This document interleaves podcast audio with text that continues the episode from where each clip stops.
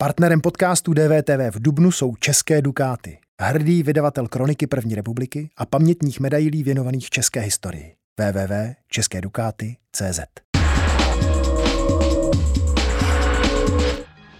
Selhal stát v zapojení praktických lékařů do očkování proti covidu? Vymstí se to?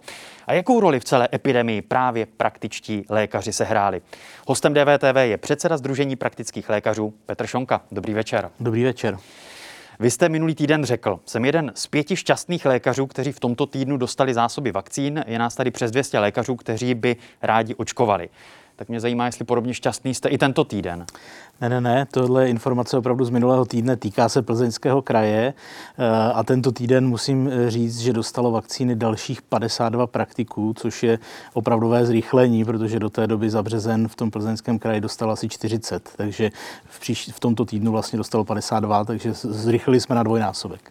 Chápu to ironicky? Ne, ne, já jsem za to rád, musím říct, a budu velmi rád, eh, když všichni kolegové dostanou aspoň první, první zásilku vakcín. Doufám, že se to odehraje v příštím týdnu nebo nejdéle přes příštím. Ale 52 tedy z 200, to předpokládám, že není zrychlení dostatečné, byť jste to ocenil. E, ano, je, takhle, pro nás je to opravdu jako v nějaké světlo na konci tunelu. Zdá se, že se ta situace začíná hýbat, ale zrychlení to samozřejmě dostatečné není, protože eh, v rámci čele, celé České republiky vlastně čeká u praktiků obrovské množství pacientů v té věkové kategorii 80 plus a 70 plus, kteří si přejí být u nás očkováni, ale zatím eh, ty vakcíny pro ně prostě nemáme v takovém množství, jak, jak bychom potřebovali. Když jsem se díval na ta data, tak by to mělo být zhruba 270 tisíc seniorů v těchto věkových kategoriích.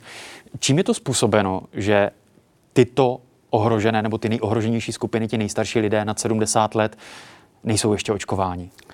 Eh, ono je potřeba říct, že jsou to lidé, kteří si vybrali eh, tu cestu, která jim i nám přijde přirozená. To znamená, že se budou očkovat u svého praktického lékaře, u lékaře, kam pravidelně chodí s jinými, eh, s jinými onemocněními nebo z jiných důvodů a kde jsou každý podzim očkování proti chřipce, takže zcela logicky k nám mají důvěru a očekávají, že budou očkováni u nás a nechce se jim, anebo nemohou do těch očkovacích center, ne, neumí se nebo nechtějí registrovat v tom centrálním rezervačním systému.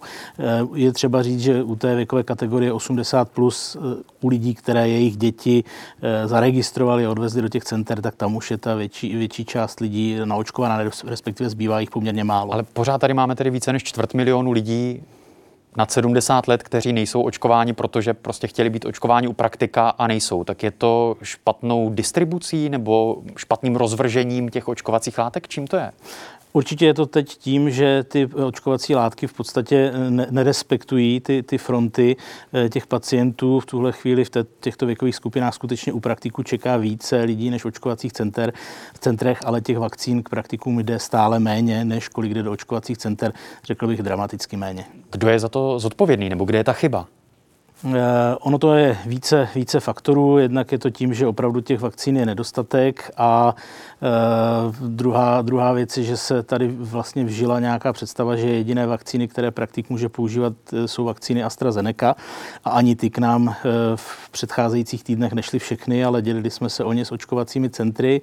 A, a třetí faktor si myslím, že je podstatný, že se tady od začátku podcenila právě role praktických lékařů a obecně té primární péče a preferoval se v podstatě rozvoj těch očkovacích eh, center, což je z mého pohledu v podstatě jakási paralelní síť zdravotnických zařízení a nevyužila se ta síť těch zdravotnických zařízení, která tady jsou a která mají nepopiratelnou eh, kapacitu eh, k tomu očkovat. A to je čí rozhodnutí?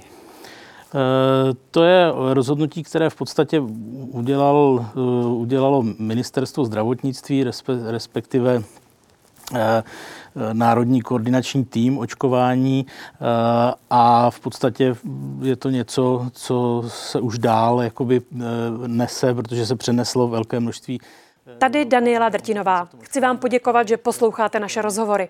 Jestli chcete slyšet celý podcast, najdete ho na webu dvtv.cz, kde nás můžete i podpořit a stát se členy DVTV Extra.